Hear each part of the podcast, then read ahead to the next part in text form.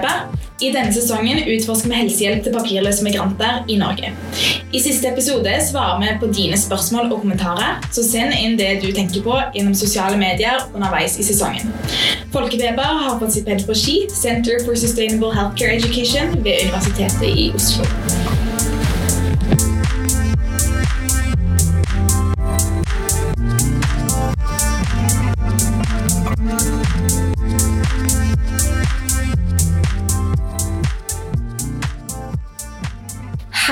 Og hjertelig velkommen til en ny episode av Folkefeber. I dag er det jeg, Sine, og Ida som sitter her. Og I denne episoden så skal vi snakke med noen som vet hva det innebærer å gi helsehjelp til papirløse migranter, og som hver eneste uke møter mange som er i denne situasjonen. Vi er så heldige å ha fått med oss Linnea Nasholm, som er leder for Helsesenteret for papirløse migranter, og Åsne Rosseland, som er sykepleier og jobber som frivillig på Helsesenteret. Hjertelig velkommen til dere. Tusen takk. Helsesenteret for papirløse migranter er altså et tilbud i Oslo som er drifta av Kirkens Bymisjon og Røde Kors, og som ble starta i 2009. Og så måtte jeg lese litt i årsrapporten deres, og der står det bl.a. at målet deres er å bli overflødige. At det ikke skal være behov for dere lenger. Eh, men enn så lenge så er det ganske stort behov for jobben deres. Eh, og dere har over 100 frivillige helsearbeidere sånn som jeg har forstått det, som er med på å yte hjelp på senteret. Kanskje dere begynner å fortelle litt om hva som er bakgrunnen for at helsesenteret ble starta, og hva slags tjenester det er dere driver med? Ja, ehm, det ble gjort en kartlegging i 2008 når man så på situasjonen for papirløse i Norge og litt i naboland og europeiske land. Og Grunnen til det var vel også at både Røde Kors og Bymisjon hadde begynt å møte mennesker i denne situasjonen i sine virksomheter, og ble liksom rådvill hva man kunne gjøre i møte med gruppa. Og så fant man ut i den kartleggingen at det var store humanitære behov eh, blant papirløse i Norge. Og da var det særlig helse og bolig som utpekte seg. Og så valgte man da Røde Kors og Bymisjonen å starte opp helsesenteret. Um, da, den tiden var jo lovverket litt vagt. Man visste ikke helt hvilke helserettigheter denne gruppa hadde. Men man så at det var vilkårlig hvilken helsehjelp de fikk. Eh, og at man ønsker å starte opp noe som man nå tenkte skulle være kortvarig, for at man så jo for seg at Norge som stat skulle sikre at alle fikk helsehjelp. Eh, men dessverre så er vi jo det er elleve år siden vi startet opp, og vi er fortsatt her. Og det er fortsatt ikke eh, mange skritt som har blitt tatt siden den gangen. Ja. Mm. ja det visste jeg ikke at det på en måte i utgangspunktet bare var tenkt at det skulle være kortvarig. Eh, men hvilke tjenester er det dere holder på med nå? Hva er det dere eh, Man kan si oss som et utvidet fastlegekontor på mange sett. Vi driver med primærhelsetjeneste stort sett. Um, så hos oss er det frivillige som sagt var, som kommer og yter helsehjelp. Så det er frivillige sykepleiere, leger, det er bioingeniører, det er farmasøyter, det er fysioterapeuter, det er tannleger, det er jordmødre, det er psykologer. Og så er det noen spesialister der vi ser at det har vært vanskelig å få, um, få tilbud i spesialisthelsetjenesten. Det kan være gynekologer. Uh, vi har noen øyelege, optiker og psykiater. Så mange kommer til oss og eh, kommer med helt vanlige helseplager som vi går til fastlegen med. Og så gjør vi det vi kan av primærhelsetjenester hos oss, og så henviser vi eh, til spesialisthelsetjenester hvis man trenger, hvis man trenger det, mer utredning eller behandling. Og så har vi en funksjon der vi ofte får da, rollen som fastlege. Så hvis du har vært på sykehuset, det har vært på en operasjon eller en innleggelse, og så står det på krisen at du skal få opp av fastlegen din, eh, så har jo de menneskene vi møter, ikke da rett på fastlege, så da kommer de tilbake til oss. Ja. Samme sak eh, så kommer man kanskje til legevakta for at man henvender seg for akutt helsehjelp. Og legevakta gjør det de kan i dag. Og så står det da at du skal videre oppfølging og utredning via fastlegen din. Og det har jo man ikke, så da kommer man til oss. Ja. Um, ja, så, så, stort sett primærhelsa. Vil jeg si. Ja. ja. Mm. Men allikevel et større tilbud. Og så har vi òg miljøarbeidere, som er der for å kartlegge liksom, sosialhjelpen som man også trenger. For det er ganske komplekst det å være papirløs. Det er jo ikke bare helsetjenester man mangler. Så da har vi òg et veldig godt samarbeid eh, i nettverket vårt i Kirkens Bymisjon og andre tiltak da, i form av bolig og mat og, og kartlegge de andre behovene. da. Ja. Mm. ja, for helse er jo mer enn bare på en måte sykdommer eh, som man har. At det er mye som påvirker det. Mm. Og der er jo også, som Åsne sier, vi gir jo mye helseinformasjon også. Um, det er jo mennesker vi møter som, ja, de bor her, noen bor i den situasjonen i 20 år og de er her sammen med oss og, eh, men har kanskje ikke da fått god nok informasjon fordi at informasjonsmaterial og, og tilbud og, og der man ellers går for å få god informasjon om helse og forebyggende helse, er ikke tilgjengelig alltid. Så, så mange kommer til oss også for Og vi, vi jobber mye med å gi helseinformasjon. Mm. Ja. Og henviser videre da når det er sånne andre prekære behov som overnatting og mat og juridisk hjelp. Og, ja. Ja, for Det virker som dere har et enormt bra og altså stort og dekkende tilbud. Dere har jo enormt mange eh, skal man si, varianter av spesialister bare hos dere. Men så snakker du om dette med henvisning, og da lurer jeg litt på, det er jo et veldig kronglete regelverk. Eh, eller lovverk da, som man må forholde seg til både som helsepersonell og miljøarbeider og sykepleier. alt dette her. Eh, hvordan foregår henvisningen, og hvordan blir de mottatt i spesialisthelsetjenesten? Eh, ja. eh, Nå har vi vært heldige. Eh, siden vi startet opp, så har vi hatt et samarbeidsavtale med Diakonium sykehus. Ja. Så mye av eh, MR, ultralyd eh, Mye henviser vi til Diakonhjemmet. Eh, og der eh, pleier det å gå eh, oftest veldig fint med henvisninger. Det blir godt mottatt, og folk får time. Eh, men eh, vi henviser jo også til andre sykehus ut ifra behov, da, hvilken spesialist vi har behov for å henvise til. Vi forholder oss jo til pasientrettigheter hos oss. Eh, så vi henviser når vi mener at pasienten har behov for det. Og oftest så vil jeg si innenfor somatisk helse at vi, at vi får igjennom henvisningene, og, og, og pasientene får timer. Det vi ser som er utfordrende, er jo når det er kanskje større inngrep og operasjoner. Det kan være ting som så Vi har nå en hjerteklaffoperasjon som er helt nødvendig. Og vi vet at jo lenger vi venter, desto vanskeligere blir den operasjonen. Men der har vi fått avslag fordi at man mener at det ennå ikke er det som er helsehjelp som ikke kan vente. Mm. Um, og mest sannsynlig også fordi at det er en kostsom operasjon. Vi har også erfart det når det kommer til f.eks. kreftbehandling. At, at, alle vet at hvis vi venter, så, så, blir det mer komplisert og vanskelig, og prognosen blir sämre. Men allikevel så kan vi få avslag på behandling. Innenfor DPS, altså psykisk helse, så har det vært veldig vanskelig å få timer for pasienter, til tross for at det er eh, alvorlig posttraumatisk stresslidelse eller alvorlige diagnoser og behov for en type av oppfølging som ikke vi kan gjøre hos oss, med, med hjelp av frivillige som er kanskje en gang i måneden. Men eh, der mener man at pasienten ikke har rett på den helsehjelpen. Eller lever, kan også være at de lever for ustabil livssituasjon for å nyttiggjøre seg, eller at kostnadseffektivitetsprinsippet ikke er oppfylt. Og, ja. Mm. Ja, for det er veldig problematisk at vi har egentlig ganske mange med, som har alvorlige psykiske helseplager, da, som ikke får god nok hjelp i det hele tatt. Når vi har på en måte psykologer som kommer en gang i måneden, så er det ikke alltid kanskje man kan komme til samme om å bytte igjen, sant? som er veldig vanskelig da for pasienten. Mm. Og så har vi også hatt historier med liksom voldsutsatte kvinner som har blitt henvist til krisesentre og ikke fått plass. Så det er jo i hvert fall ganske mange både hårreisende historier ja. og hjerteskjærende med folk som virkelig ikke får den hjelpen de, de skulle hatt. Mm. Mm. Som er i kjempesårbare situasjoner og, og blir avvist. Ja. Hva, hva gjør dere da? Hva slags situasjon setter det dere i?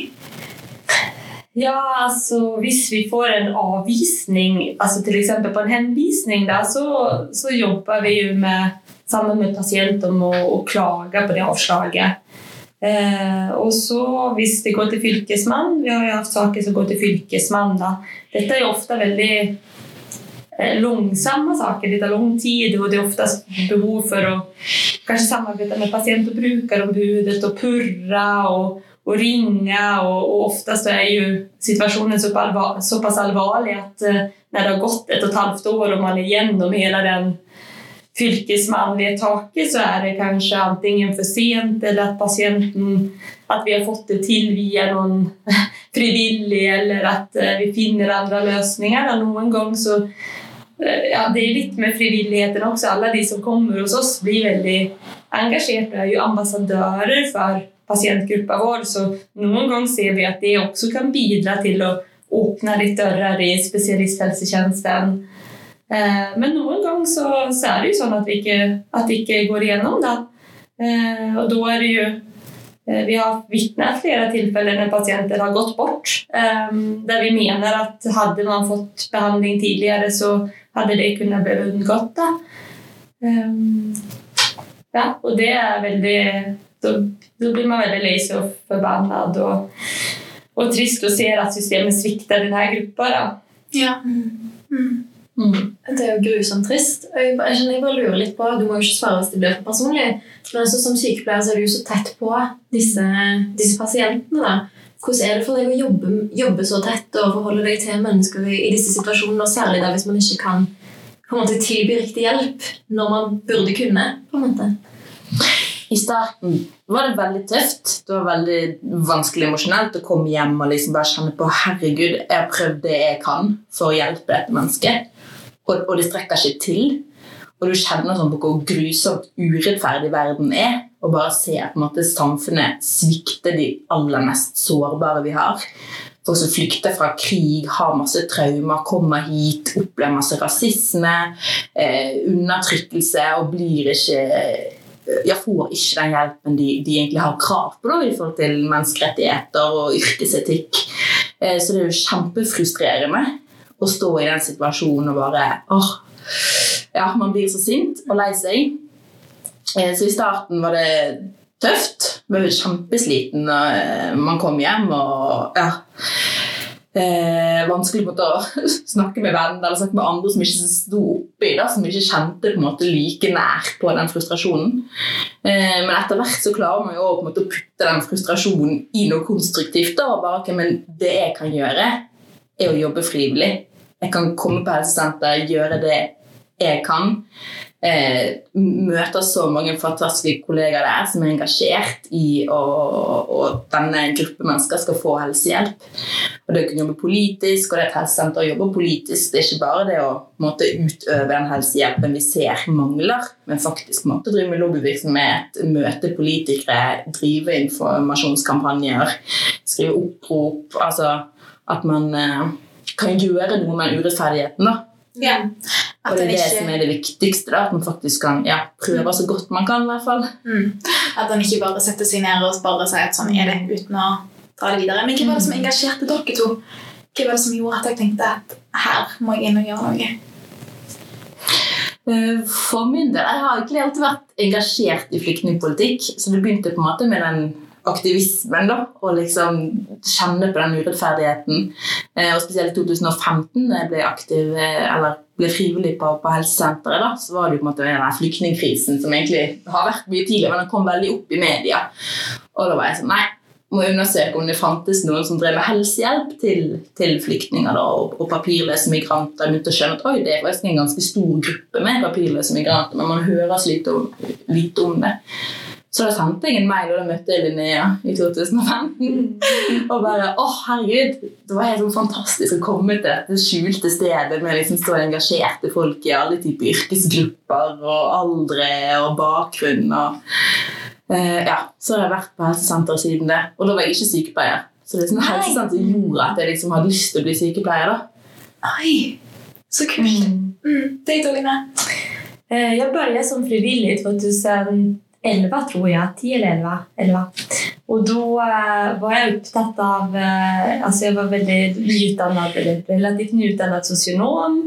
var liksom opptatt av sosial rettferdighet. Jeg var opptatt av uh, hadde studert litt sosialantropologi og var liksom opptatt av menneskelige rettigheter og syntes dette var liksom et interessant sted å, og var frivillig. da. Og da var jeg også miljøarbeider i starten. Og da var spørsmålet mer ikke 'hvorfor er du frivillig', men mer 'hvorfor er du ikke'? på en måte, For det kjennes som jo mer innblikk du får i begynnelsen var du litt overrasket. Kan det være sånn at det bor mennesker her i Norge som er liksom verdens rikeste land, som liksom promoterer seg selv som et menneskerettighetsland internasjonalt? Kan det være sånn at det bor mennesker her år på år på år i en sånn situasjon som ikke har som har så begrensede rettigheter. Da. Eh, så I början blir man liksom overrasket, men jo mer innblikk du får, og jo mer du ser konsekvensene av det lovverket vi har i dag, da, desto mer sånn brinnende engasjement får du og kjenner på den urettferdigheten da, som, som, eh, ja, som er et veldig sterkt driv, tror jeg. Og så møtet med de menneskene som du hører andre snakke om å portrettere som illegale eller kriminelle eller liksom snylte på velferdsstaten når du møter det, det, er liksom bare du, du, vil også møte så sterke, fine mennesker som bare er i kjempevanskelige situasjoner og bare, bare har liksom Du lærer masse om hvilke mestringsstrategier de bruker. Jeg vet ikke om jeg hadde overlevd i den situasjonen. altså så at, og just det der brinnende engagemanget på senteret og at vi liksom ser at vi kan jobbe også med påvirkningsarbeid og prøve å bevege noe og noen. Så sen dess har jeg liksom blitt da. Så begynte jeg å søke jobb, og så har jeg vært ansatt siden 2012. da. Ja. ja. Mm. Liker det spørsmålet hvorfor er man ikke frivillig? ja. Er veldig sånn. Du, Det er mange mennesker som kommer til dere og får hjelp hver uke. Eh, hva slags situasjoner er det disse her menneskene befinner seg i? Og hvorfor befinner de seg i Norge? Det tror jeg det er mange som lurer på. Mm. Altså, Til å begynne med så er det jo veldig veldig mangfoldig gruppe. Det fins liksom ikke ett svar på det spørsmålet. Vi har jo 5100 pasienter registrert hos oss, ca. Eh, og det er kvinner, og det er menn, og det er familier, og det er eldre, og det er barn. Og de er fra over 121 forskjellige nasjonaliteter. Noen har kommet via asyl, altså man har søkt asyl og fått endelig avslag. Noen har kommet via et visum. Det kan være turistvisum, arbeidsvisum som har gått ut, eller besøkt visum. Eh, noen har valgt å ikke registrere seg overhodet. Noen har hatt opphold. Noen kan jo ha hatt opphold i 10-15 år, med mister på av forskjellige grunner. Eh, og noen er EØS-borgere, men, men, man blir lengre der enn hva man eh, får lov til. Og så havner man i den situasjonen da, eh, uten gyldig. Og den er ekstremt vanskelig. Eh, da er du jo Altså Bare det å få dekt basisbehov eh, er veldig utfordrende, fordi at ok, du har i, for, i forhold til forskriften om eh, lov om sosiale tjenester, så skal du i en nødsituasjon ha noe rettigheter i Nav, men eh, de ser vi er veldig vanskelig å få tilgang til. Så mange er helt avhengige av andre mennesker for å få dekt altså bolig, få et sted å sove, få mat, få eh, ja, klær, bussbillett. Og mange lever i den situasjonen år på år på år og kanskje også i familie. Eh, og mange flytter mye rundt. altså Bostedsløsheten er jo stor i denne gruppen. Og mange flytter mye rundt. då. hos Noen flytter rundt hos bekjente. Noen kanskje må vaske eller yte tjenester der man bor for å få eh, et sted å sove eh, og få mat. Så, så, mange har ju kanskje lite, alltså veldig begränsad eh, kontroll Eh, og bestemmelsesrett over sin situasjon. Da. Eh, og så er det mye frykt. Mange er veldig redd for eh, altså, å bli tatt i kontroll. Mange isolerer seg mye, redd for å bli sendt ut. Og så er det denne limboen da, som bare gjør at du klarer ikke av å planlegge. Det blir vanskelig kanskje å etablere relasjoner. Du er redd hva andre skal tenke om deg om du forteller at du ikke har oppholdstillatelse. Du eh, klarer ikke å planlegge for framtiden. Du er ikke rett på jobb. Så du har liksom, Hvis du finner jobb i uformell sektor, kan du lett bli utnyttet. Få altfor dårlig lønn om du av og til ikke får lønn overhodet, og, og tvinges jobbe ubekvem arbeidstid, eh, og du eh, ja, blir lett utnyttet da. Um, og eh, ja, så, så, så, den situasjonen er ekstremt vanskelig, og det er litt som Åsne sier, at når du er i en så sårbar situasjon at du ikke ens har rett å få gå til legen, er veldig hårreisende egentlig Mm. i, eh, i et land som Norge. Og her nevner du jo veldig mye interessant, for du sier jo blant annet at det er egentlig noen rettigheter i Nav, men de har ikke rett til jobb. Og så var du tidligere så vidt innom pasientrettigheter og menneskerettigheter. Og jeg skjønner at jeg synes det er veldig vanskelig å forstå hva, hva er det egentlig de har rett på. For det burde jo være en del grunnleggende rettigheter. Hva har de rett på, og er de klar over hva de har rett på? Kan de kreve den plass? Altså ja, eh, Du har jo den forskriften da, som regulerer helserettighetene til grupper, og den kom i 2011. Den, kom, eh, den ble ganske litt sånn allhastelagd, og den har fått mye kritikk også av jurister som mener at det juridiske språket i eh, forskriften er, eh, er, ikke, er ikke godt. Eh, og den forskriften om rett til helse- og omsorgstjenester for personer som ikke har fast opphold i riket, den sier jo at du har rett på øyeblikkelig helsehjelp. Eh, Den sier at du har rett på helsehjelp som er helt nødvendig og ikke kan vente. Og i forskriften så står det jo der at eh, uten fare for nært forestående død, varig, sterk, nedsatt funksjonstilstand, alvorlig skade eller sterke smerter. Og så hvis man er psykisk ustabil og eh, til fare for eget eller andres liv og helse, så skal du ha rett på psykisk helsevern. I et rundskriv der det er definert som innen tre uker før det blir akutt. Ehm, og det ser vi jo er eh, vanskelig å tolke. Eh, det er inget man lærer seg på medisinstudiet å vurdere når er det tre uker før det blir øyeblikkelig hjelp. Eh, så vi ser at det blir veldig vilkårlig hvordan man tolker det lovverket og praktiserer lovverket. Og vi ser at det ofte tolkes som øyeblikkelig hjelp. Ja. Sen har du mer rettigheter. Altså, gravide skal ha rett på svangerskapsomsorg, skal ha rett altså, på, på helsehjelp før fødsel, du har rett på fødsel, du skal ha rett på helsehjelp etter fødsel. Barn skal ha fulle helserettigheter. Smittevernloven gjelder for alle. Så det er mye som høres veldig fint ut i den forskriften. Eh, Men ingen har rett på fastlege. Og vi vet alle at fastlege i Norge er inngangsporten til hele helsevesenet. Om du skal ha gynekologisk undersøkelse, eller om du skal til psykolog, eller om du skal trenger en operasjon. Alt går gjennom fastlegen. Så vi ser jo at mye av de rettighetene folk har, blir ikke ivaretatt. Grunnen til at vi har sett over 160 barn hos oss, er jo fordi at de ikke har en fastlege å gå til. Og det er jo tenker jeg, i Norge når barns rettigheter står veldig sterkt. Veldig alvorlig at barn ikke har en, en lege å gå til. Du kan gå på legevakta, men legevakta vil jo bare gjøre det som er nødvendig her og nå. Og så vil du ikke få oppfølging for din kroniske sykdom, f.eks eller annen utredning. Du har også rett på vurdering fra spesialisthelsetjenesten. Men hvordan skal du få rett på den vurderingen av spesialisthelsetjenesten hvis du ikke har noen som henviser deg til spesialisthelsetjenesten? Og det er jo fastlegens rolle å henvise.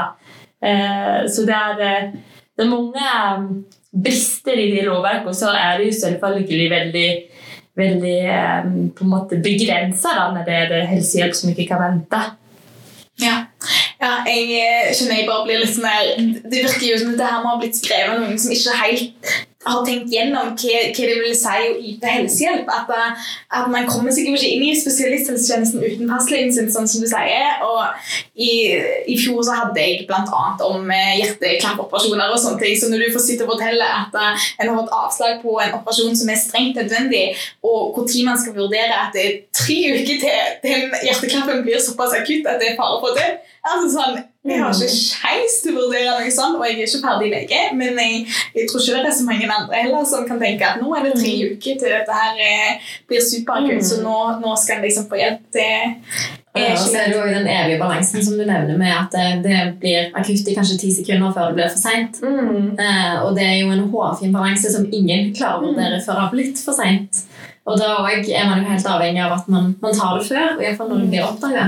Så det er egentlig veldig hårreisende at det ikke, ikke er noen tilgang på det. I hvert fall ikke som en standard. Ja. Vi hadde en kreftpasient, han var drygt 40 år.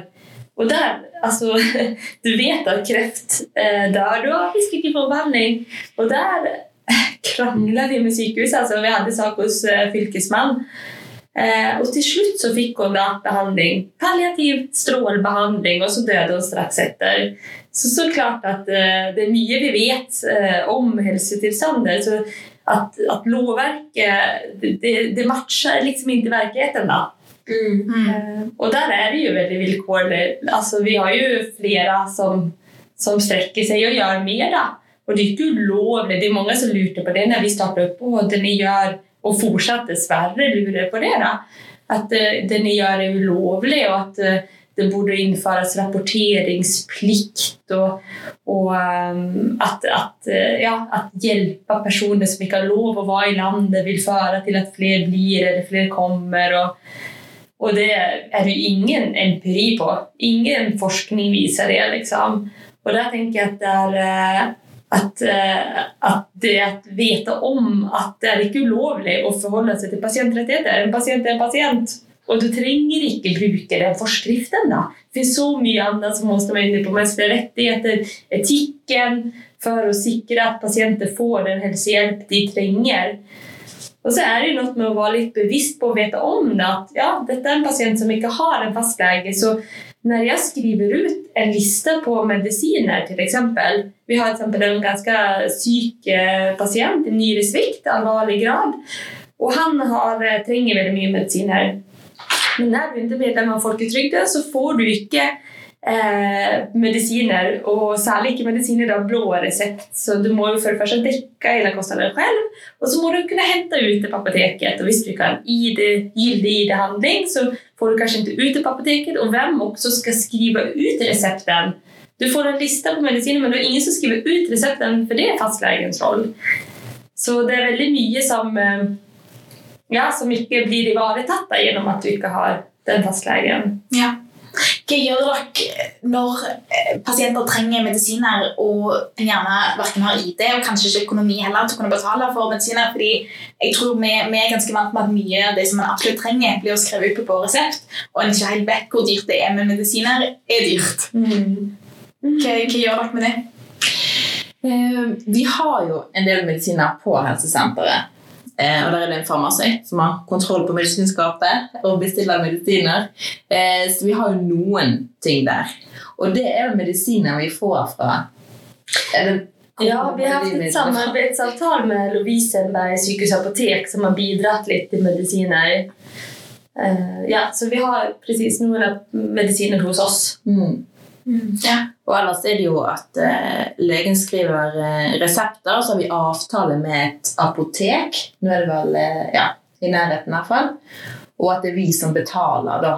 De har på en måte en konto på det apoteket. Ja.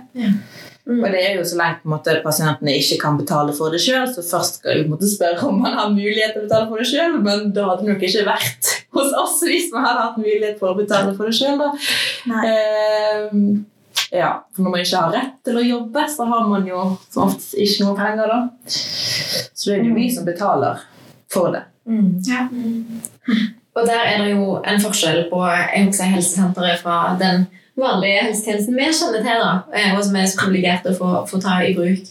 Og da lurer jeg på litt sånn, Hva er det egentlig som er på en måte, de største forskjellene på de tjenestene dere tilbyr på helsesenteret, og kanskje de standardtjenestene man får på et fastlegekontor? da? Og hva er likhetene? Hvordan ja, fungerer de parallelt? Jeg vil jo si at vi er egentlig et eh, på mange måter veldig godt tilbud. Vi jobber veldig tverrfaglig.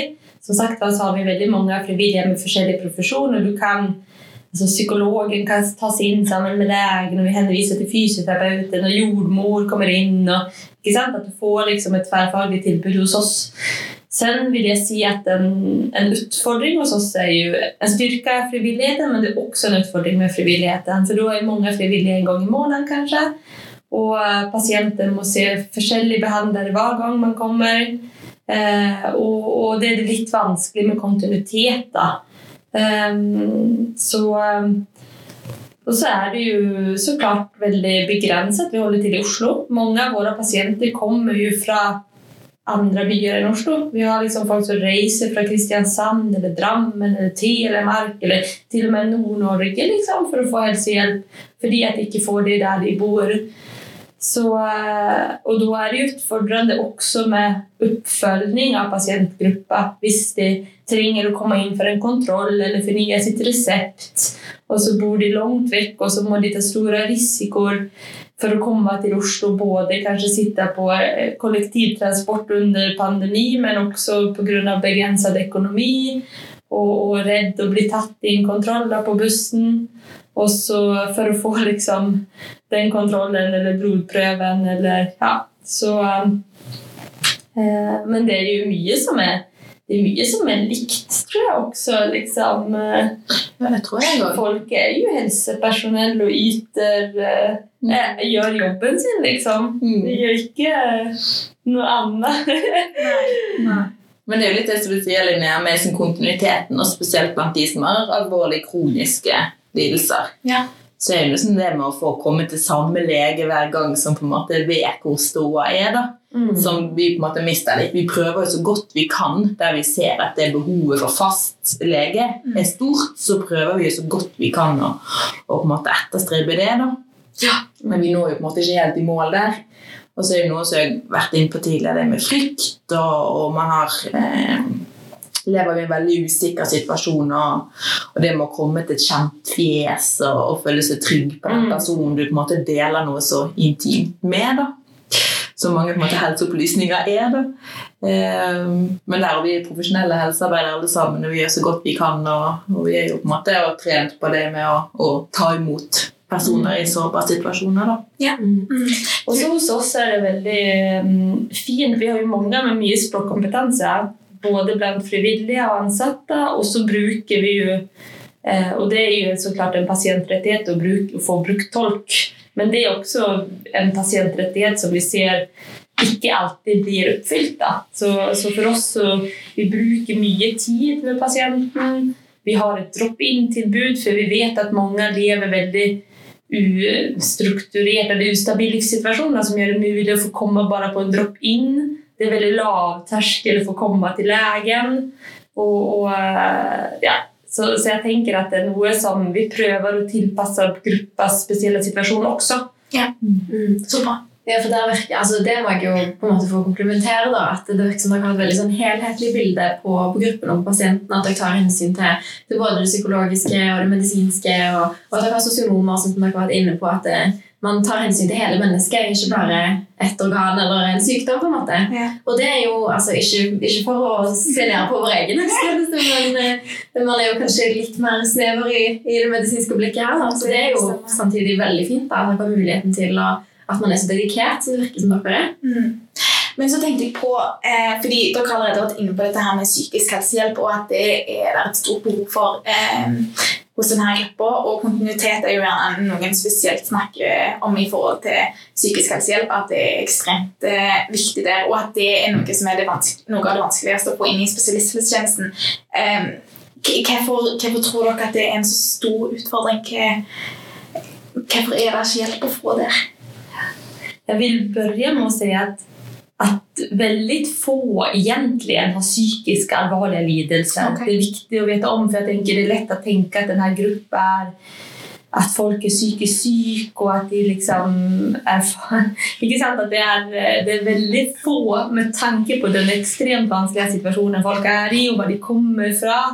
Eh, mange kommer jo fra konfliktländer eller länder som, där man har upplevt krig och, och våld och har haft en väldigt vansklig resa på vei til Norge. Eh, så det allra meste av psykisk ohälsa hos oss er mer situationsbetingat vil jeg säga. Mange er bare i extremt vanskliga situationer. Men for de som har en allvarlig psykisk lidelse, så er det veldig allvarligt at de ikke få hjelp. Eh, og grunnen til det tror jeg er først og fremst lovverket. At det er så eh, altså du skal, Vi får jo lagt inn folk akutt, men så fort akuttfasen er over, hvilket er kanskje i morgen eller om to dager, for da har du ikke planer lenger å ta ditt eget liv, du har kanskje bare tanker om det. da blir du skrevet ut til ingenting. Og så tror jeg det med økonomi er et stort tema. Og det ser vi jo generelt, for at det er ingen eh, finansiell ordning rundt eh, forskriften. Og det er en kjempebarriere både for pasienten, som i utgangspunktet skal täcka fulla kostnaden for hälsohjälpen och og for behandleren, som da får refusion for helsehjelpen man gir. Och det tror jeg også er en stor grund til at, att, at, at eh, Eller en av grunderna till att man får avslag i eh, både en del som vi snakker om, større, dyrare behandling, men også i DPS. Då. Mm. Jeg får vet spesialisthelsetjenesten hvordan de skal forholde seg til lovverket. Dere sier at dere har et eh, samarbeid med Diakonhjemmet, som det gjerne er kanskje litt lettere å få gjennom. Men eh, altså, er det mange ulike praksiser på hvordan Mm. dette gjøres? Veldig. Og det tenker jeg rundt når vi snakker om det med betaling, er det også eh, altså ikke sant, Du har ikke rett egentlig til å spørre om forhåndsbetaling når det er akutt helsehjelp og helsehjelp som ikke kan vente. Men eh, særlig når, altså reproduktiv helse, da, fødsel, abort, det er ting du har rett på. Men allikevel blir disse kvinnene eh, gjentatte ganger innkalt til konsultasjon eller blir møtt på sykehuset med, med spørsmål om eh, Ja, du vet at det kommer en regning som kan være mellom 30 og 100 000. Kom, hvordan kommer du kunne betale den regningen? Så disse kvinnene blir kjempestressa og kommer til oss og vurderer hjemmefødsel, liksom, fordi at de flere ganger blir spurt om betaling. Og sykehuset ringer oss og lurer på De har fått en henvisning for en kvinne som trenger abort, som står foran dem. Og så spør de at ja, hun har jo egentlig ikke noen rettigheter, så hun er jo selvbetalende, men hun sier at hun ikke kan dekke den aborten på 18 000. Hva skal vi gjøre? Så bare, ja, men hun har rett på abort, du kan ikke spørre henne om det. Det er nok belastende å faktisk komme for en abort, og så skal du bli spurt om det. Det bidrar jo til at neste gang så tør ikke pasienten kanskje å komme og spørre om abort. Og det, det er veldig alvorlig at man blir møtt med, med de holdningene på sykehuset. Og mange ganger tror jeg at, eh, at man ikke, som kanskje Åste kan si litt mer om, men jeg tror ikke alltid at man, man er ikke sant, De har retningslinjer, og alle skal bli spurt om betaling, eksempel. Og så tenker du ikke liksom Du bare følger den retningslinjen og ikke tar hensyn til hvilket menneske du har foran deg, og hva det kan være for konsekvenser av å snakke om dette. For så klart, I lovverket så står det også at hvis en pasient ikke kan betale, som ikke har opphold eller bo, er bosatt i Norge, så er sykehuset eller tjenesteyteren pliktig å dekke den kostnaden. Så de kan jo alltid lene seg egentlig mot det lovverket, men det virker som at det er forskjellige retningslinjer og vilkårlig, som du snakker om, at ikke alle vet om hvilke rettigheter og, og hvordan de skal, skal møte en sånn situasjon. da. Um, Mm. Ja, det er så synd når man ser gang på gang hvordan eh, sykehus eller ulike helseinstitusjoner tolker loven på det strengeste. At det kun er øyeblikkelig hjelp. Eh, og jeg tenker liksom når man er helsepersonell, de jobber på sykehus ja, litt som Linnea snakker om, hva, hva er det du egentlig gjør når du da spør om betaling eller spør om papirer? Her er det på en måte mennesker som blir kjemperedde i en sårbar situasjon. og det du gjør er bare å avvise de blankt. Eller det er jo sånn det blir oppfattet. da. Skal de stå der og svare jo, men jeg har rett på dette og dette og dette, og dette med språkutfordringer og med den redselen når man står der og, og, og prøver å få hjelp. da. Eh, så jeg tenker at der er det så viktig at eh, Og vi jobber jo mye med det, med informasjonsspredning, at folk vet hva egentlig lovverket sier. Og at man gjør så godt man kan til å utøve helsehjelp sånn som man skal, ut ifra yrkesetikk, ut ifra menneskerettigheter, og ikke ut derfra liksom, økonomi. da. Mm. For det har så store konsekvenser å avvise disse menneskene som det har for eh, Å sette på en måte de i en situasjon der man som er hjemme borte, at man ikke sier at man kan liksom oppleve blødning når man har abort, og sitter hjemme og, og bare 'Nei, jeg kan ikke gå på sykehuset, for jeg har ikke 30 000.' Kan du stå inne for det som helsepersonell, liksom? Og sendt noen på dør og bare Nei. For det er jo det du sier der, at man tolker alltid loven på det strengeste. Og da blir man litt sånn Ok, hvorfor det? Hva, hva er det som gjør deg så redd for å være romslig der? Og jeg skjønner jo at det er vanskelig for de som er helsepersonell òg, men dere gjør jo en kjempegod jobb og tolker den mye romsligere. det er jo ikke sånn at dere blir straffa. Det er jo ikke ulovlig å gi helsehjelp. Och det, vi, vi prøver jo. vi er jo med i, altså, som Åsa sier, vi gjør en del påvirkningsarbeid. vi er med i mange arenaer, mange plattformer. vi underviser. vi, eh, vi prøver å dele. liksom, nu har det vært opprop, og nå har det vært et nytt representantforslag så det betyder ikke at det ikke er eh, ett intresse for dette. detta. Men vi ser jo altså, vi har holdt på i 11 år og det er inte väldigt mye eh, man hör om det her temaet. som du sier, många som er veldig, helt uviss til at det eksisterer et sånt problem. Da. Eh, og um, jeg tenker at det er, det er flere som, som prøver, og, og nå har det vært både USA og USA liksom, likeverdige helsetjenester prøver å ta opp dette temaet. Og, og, og prøver, og, vi, vi jobber mye med at man skal prøve å sikre en brannmur då, mellan altså helsehjelp. Altså vi helse- og sosialarbeidere vi må få lov å gjøre vår jobb. Du må liksom få lov å gi helsehjelp basert på helsefaglige vurderinger ut ifra det behov pasienten har. Og så har du en myndighet som jobber med migrasjon. da. Og de må få lov å gjøre sitt jobb, da. Ikke sant? Men det er ikke din rolle å ta en sånn migrasjonskontrolloppgave som vi opplever kanskje at noen gjør. da. Men får du lov å være her? Og ja, men kan ikke du dra hjem? Vi har fått flere avslag der det står pasienten kan vel dra hjem og få behandlingen i hjemlandet. Man tar liksom ikke hensyn til at dette er en pasient som er her av, og av forskjellige grunner blir her. da. Eh, og så trenger ikke du ta hensyn til eller bestemme hvorvidt pasienten skal bli eller ikke bli, for det er en annen myndighet som gjør.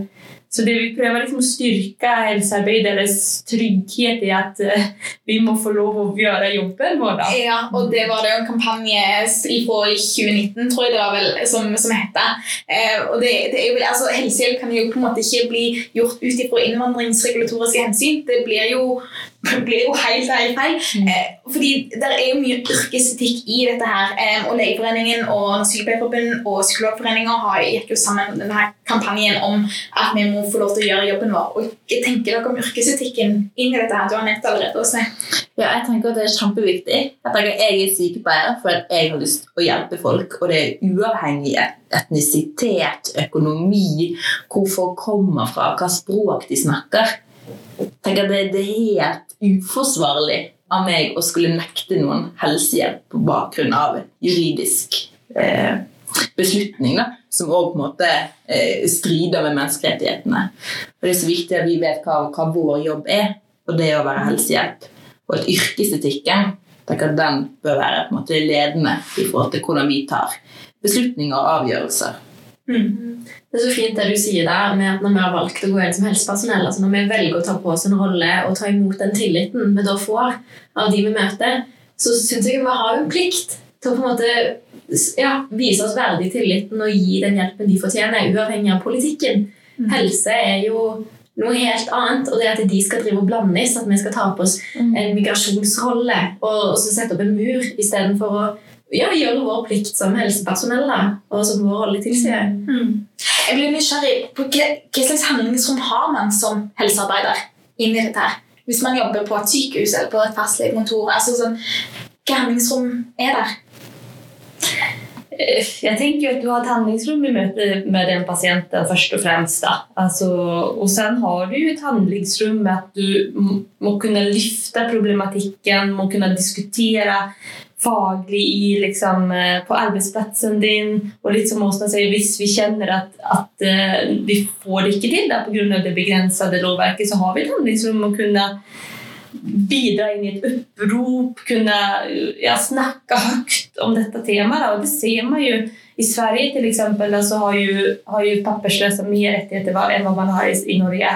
Og mye grunnen til det er jo et sånt vårdinitiativ som, som eh, helsepersonell har ledet, der man har sett at jo, vi, vi må sikre at eh, Sverige følger menneskerettighetene, sikre at alle får helsehjelp basert på behov.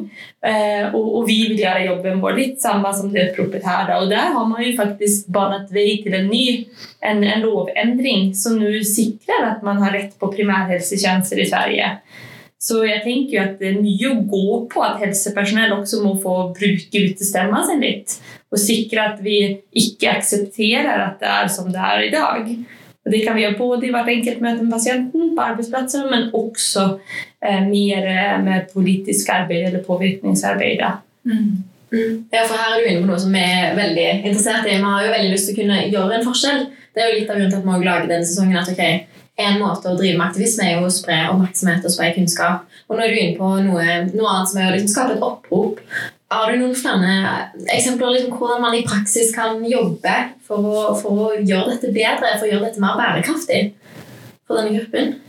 Jeg tenker at eh, ja, det jo mange måter å gjøre det på. Altså, någon jobbar frivillig som du göra, alltså, det kan man gjøre. Eh, om du er fastlege så kan du ta imot patienter og ha papirlösa på fastlegelisten din. Du kan engasjere deg i sykepleierforbund eller legeforening, fagforeningen din. Sikrer at det er liksom et tema som holdes varmt der. Eh, du kan skrive.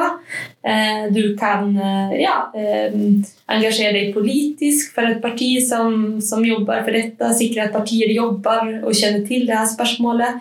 Nå er det jo en um, altså Dokk 8-forslag som er ute nå, et representantforslag som er til behandling.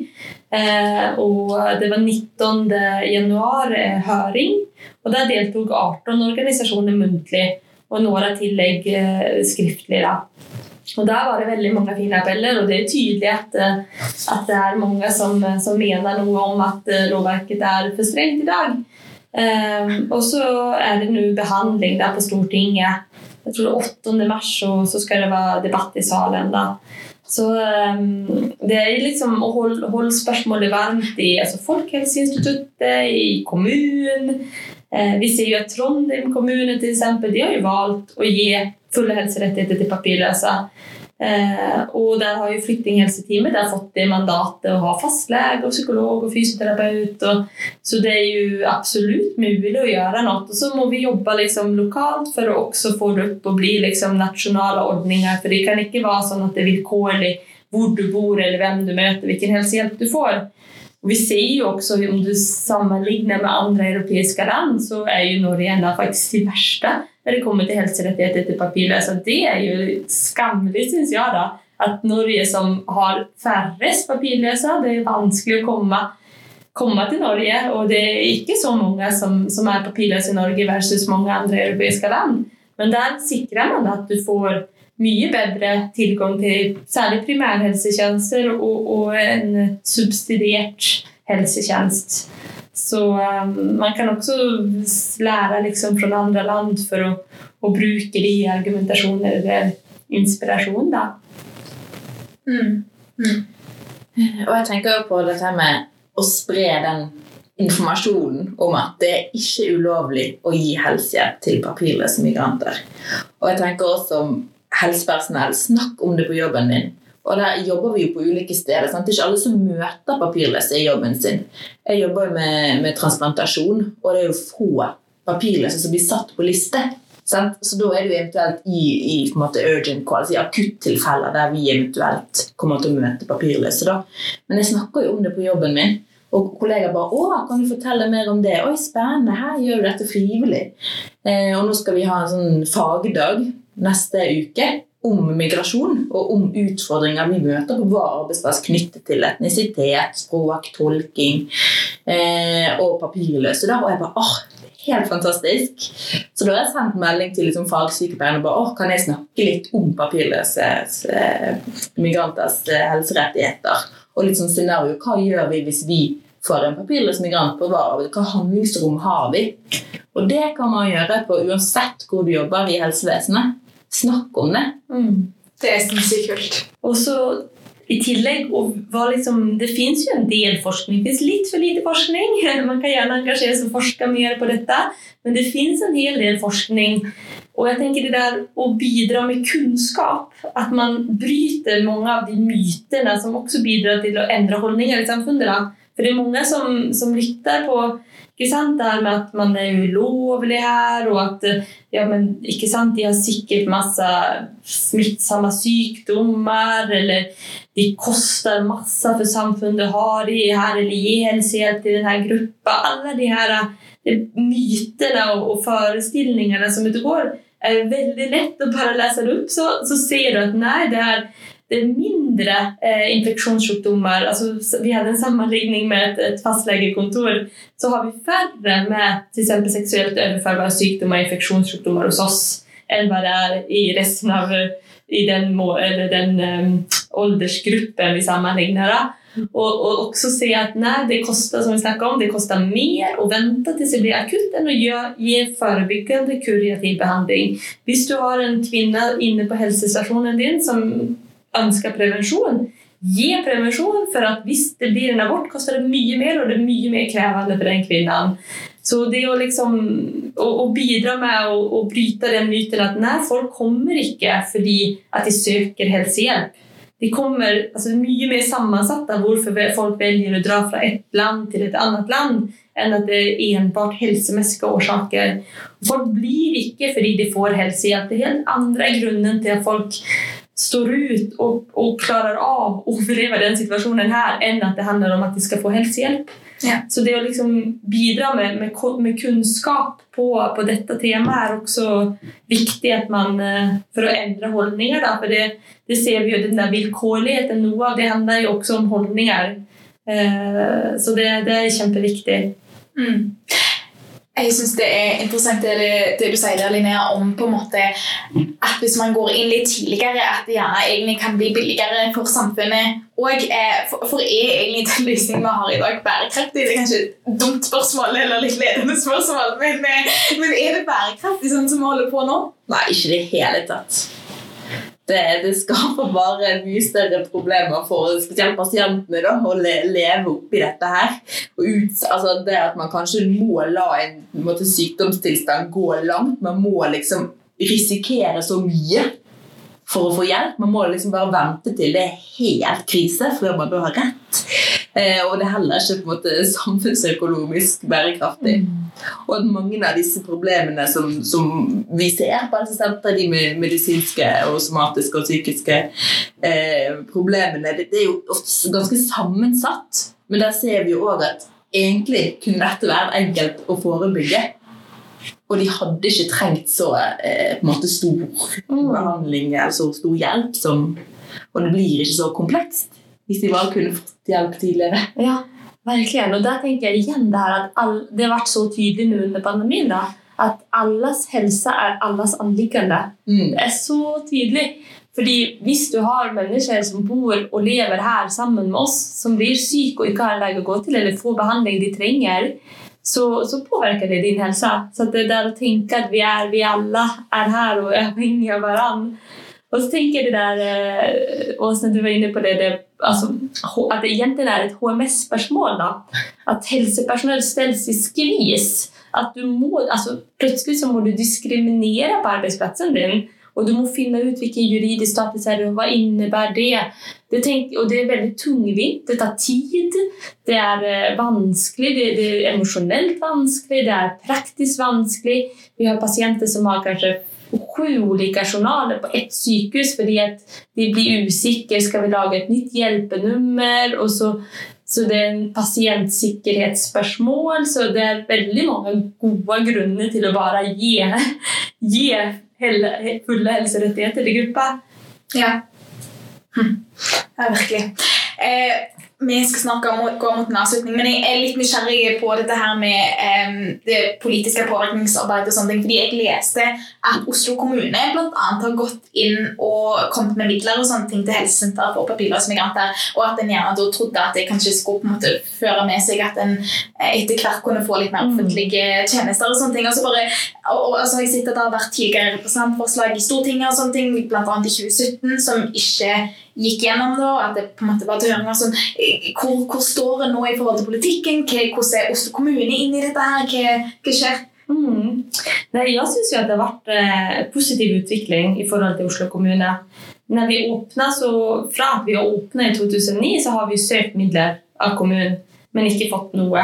Men for tre-fire år siden tilbake så begynte vi å få litt, og i år har vi 1,6 millioner. Så de bidrar nå både økonomisk til helsesenteret, eh, og under pandemien så miste vi nesten alle frivillige på en dag. Fordi at eh, folk over 65 skulle ikke stå i første linje, og vi har ganske mange pensjonister som er frivillige, og at helsepersonell skulle ikke jobbe på tvers av helsevesenet.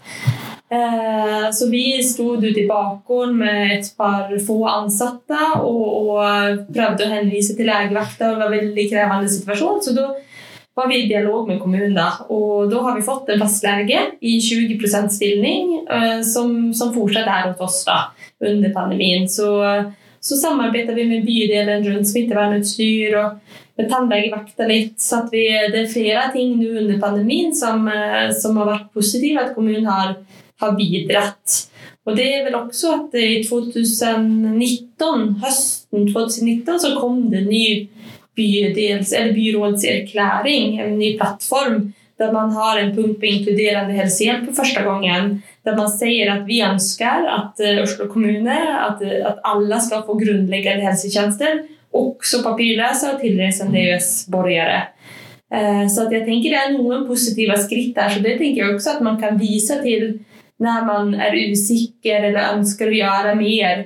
Eh, Så vise til at det er også et forankret i både politiske vedtak og i, og i fag, fagorganisasjonene, så klart. Så är, vi får jo også litt penger fra Helsedirektoratet. Og så har vi nå eh, under pandemien også en arbeidsgruppe eh, bestående av både representanter fra Folkehelseinstituttet, Helsedirektoratet og Oslo kommune, eh, når man da satt opp en hurtigteststasjon tre dager i veckan hos oss.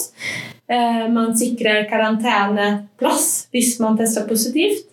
Og eh, vi venter fortsatt, da, men man har i alle fall sagt at alle skal få vaksine. Eh, vi venter på hvordan det skal implementeres. Og da tenker jeg igjen på det der at hvis du ikke har fastlege som har koll på eller som, som kan fange opp at du er nå i gruppe for å få vaksine. hvor skal folk gå? Det er en sak at de kan komme til oss nå eller komme til helsesenteret i Bergen, men, men at komme til eh, til eh, en som, som kan gi deg vaksine hvis du bor i Innlandet eller Nord-Norge eller Sørlandet. Altså, um, ja, men, men det er i alle fall positive skritt, syns jeg, fra Oslo kommune. Mm. Og i Stortinget da, har dere tro på at eh, dette nyeste forslaget kan føre til noen endring? Med den regjeringsplattformen som er i dag, så tror jeg det blir vanskelig. Men eh, det er flere partier da, som, eh, som har eh, oppdatert sine partiprogram nå, som kommer nå, som inneholder punkter på helsehjelp til papirløse. Så jeg har troen det, det er en altfor langsom prosess, altså, men, men det er en del positiv utvikling også. Så nå er det bare viktig at vi, at vi, holder, at vi holder det varmt, og at vi ikke gir oss. At, og at vi får flere byggeallianser. Ehm, Så håper vi, hvis det blir en ny regjering og en ny regjeringsplattform, at, eh, at det kan skje noen positive endringer. Mm. Det blir spennende å følge med på videre. Jeg kunne sik- sikkert hatt 100 til spørsmål hvert fall, eh, om alt dette her, men jeg tror vi skal gå mot en avslutning. Kanskje vi bare avslutter med, altså Er det noe dere vil at lytterne skal sitte igjen med etter denne samtalen? Det er jo dette med at alle har rett på helsehjelp. Og jeg tenker, hvis, hvis dette er noe du kjenner på nå at åh, shit, fy faen, så urettferdig samfunnet er, gjør noe med det. Snakk om det. Ikke sitt hjemme og, og tenk at dette er kjipt. Faktisk gå ut og på en måte gjøre noe med det. Ja. Veldig bra. Det var en nydelig avslutning. Mm. Tusen takk for at dere tok dere tid til å komme her hos Linnea. Det har vært veldig veldig fint og opplysende å prate med dere. Um, og så satser vi på at det, det skjer noen endringer om ikke altfor alt lenge. Takk. Tusen takk. Tusen takk.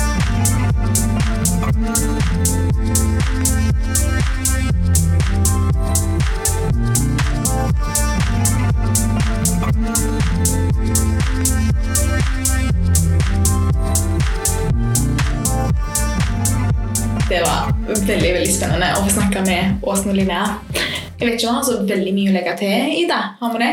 Nei, jeg synes liksom De oppsummerte det veldig bra. Jeg fikk eh, svar på alt jeg lurte på. Jeg kjenner jeg ble liksom bare både inspirert og lærte mye, og satte veldig pris på den der eh, bekreftelsen om at vi, det, det er ikke ulovlig å gi helsehjelp. Det er mye vi kan gjøre. Og egentlig og kjente litt på at det, jo, det er vår plikt. Iallfall sånn som jeg ser det da. når vi går inn i helse, og, og prioriterer mennesket over politikken. Enig. Mm. Yrkesetikk, og vi må få til en bærekraftig politikk. Yes. Og det er ikke ulovlig å gi helsehjelp til papirløse migranter. Heldigvis. Heldigvis. Vi snakkes i neste episode. Ha det bra.